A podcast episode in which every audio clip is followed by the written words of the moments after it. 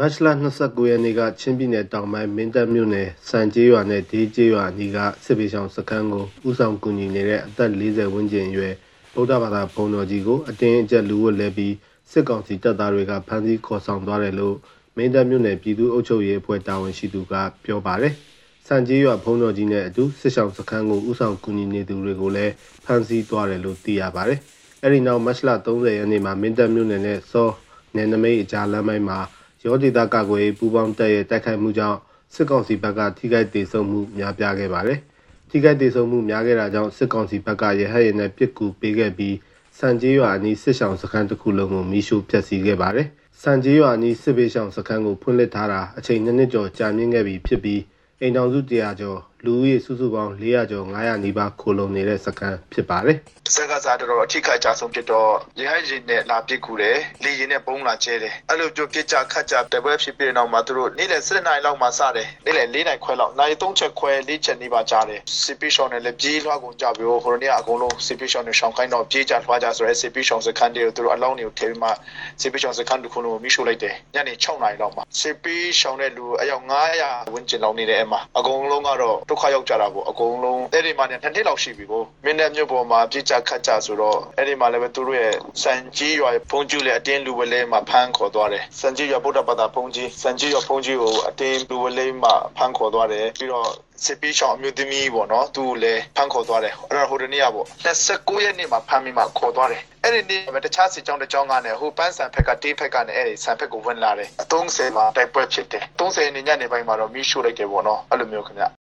စစ်ကားအစီး80ပါတဲ့စစ်ကောင်စီထောက်ပို့ရင်နှန်းဟာချင်းပြည်နယ်တောင်ပိုင်းမင်းတပ်မတူပီဗျူဟာကြောက်ထုအမြောက်တပ်ထဲကိုမတ်လ23ရက်နေ့မှာဝင်ရောက်ခဲ့ပါတယ်။ချင်းပြည်နယ်တောင်ပိုင်းကိုမကွေးတိုင်းပခုတ်ကူဘက်ကနေစစ်ကောင်စီကဝင်ရောက်ခဲ့တာဖြစ်ပြီးမြေပြင်ကနေရိခါထောက်ပို့ဖို့ရည်ရွယ်ခဲ့တာပါ။အဲ့ဒီရက်ပိုင်းလွန်ခဲ့တဲ့အချိန်နှစ်ပတ်လောက်ကမင်းတပ်မတူပီမှာစစ်ကောင်စီကဗျူဟာမှုအပြောင်းလဲပြုလုပ်ခဲ့ပြီးအသေးရောက်လာတဲ့ဗျူဟာမှုကအရင်လူထပ်ပူဆိုးတဲ့ချင်းချောက်ထိုးစစ်စင်တာတွေပြုလုပ်နေတယ်လို့ မင်းတပ်ပါအဖတာဝန်ရှိသူကပြောပါတယ်သူဟာခင်းတင်းကအခုမင်းတပ်မှာအရင်ကနေခဲ့တဲ့ကာနယ်ကြီးပေါ့လေသူကပြောင်းသွားတယ်လွန်ခဲ့တဲ့နှစ်ပတ်လောက်ကပဲတက်ရောက်လာတဲ့ကာနယ်ကတော့စီဥဘလူးပုံစံပေါ့လေသူကလုတ်ပြချင်းတဲ့ပုံစံနဲ့တူပါတယ်ကြီးရွာတွေကိုချင်းချောက်တာဟိုရင်တော့စစ်ကြောင်းထိုးတာထက်ပိုပြီးမှဖမ်းဆီးတာတွေပိုလုပ်တာပေါ့လေဒီတစ်ပတ်နှစ်ပတ်အတွင်းမှာပဲစီဥဘလူးပုံစံသူတို့ကလုတ်တာပေါ့လေလူနေကျူးကျူးတွေချင်းချောက်ဖမ်းဆီးရဖြစ်လာတော့တိုက်ပွဲတွေခက်စိတ်စိတ်ဖြစ်လာတာပေါ့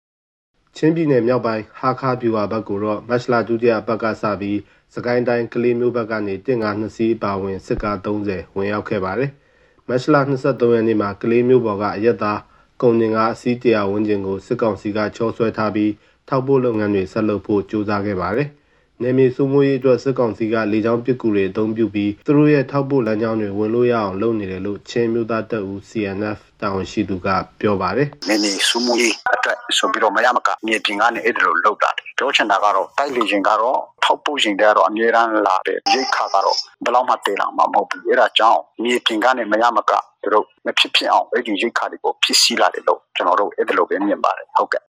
မတ်လ30ရက်နေ့မနက်10:00နာရီဝန်းကျင်မှာထန်တလန်မြို့နယ်ခွာဖိုးကျေးရွာကိုစစ်ကောင်စီကတိုက်လေရင်2ဆင်း MI35 ရဟတ်ယာဉ်တစ်စင်းတို့နဲ့ဘုံကျဲတိုက်ခိုက်ခဲ့တာကြောင့်ကလေးငယ်2ယောက်အပါအဝင်အရက်သားပြည်သူ10ယောက်ကြာဆုံးခဲ့ပြီးပြည်သူ20ဝန်းကျင်ထိခိုက်ဒဏ်ရာရခဲ့ပါတယ်။ February 2ရက်နေ့မှာချင်းပြည်နယ်မြို့နယ်9မြို့နယ်အပါအဝင်တိုင်းနယ်ပြည်နယ်10ခုက38မြို့နယ်ကိုစစ်ကောင်စီက